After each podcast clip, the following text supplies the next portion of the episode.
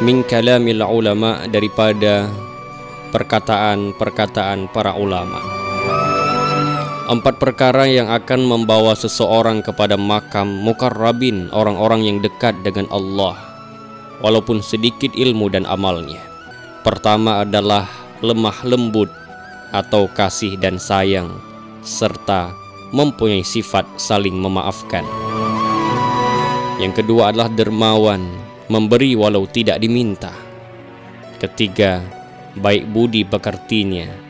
Dan keempat adalah rendah hati atau tawadhu di mana-mana.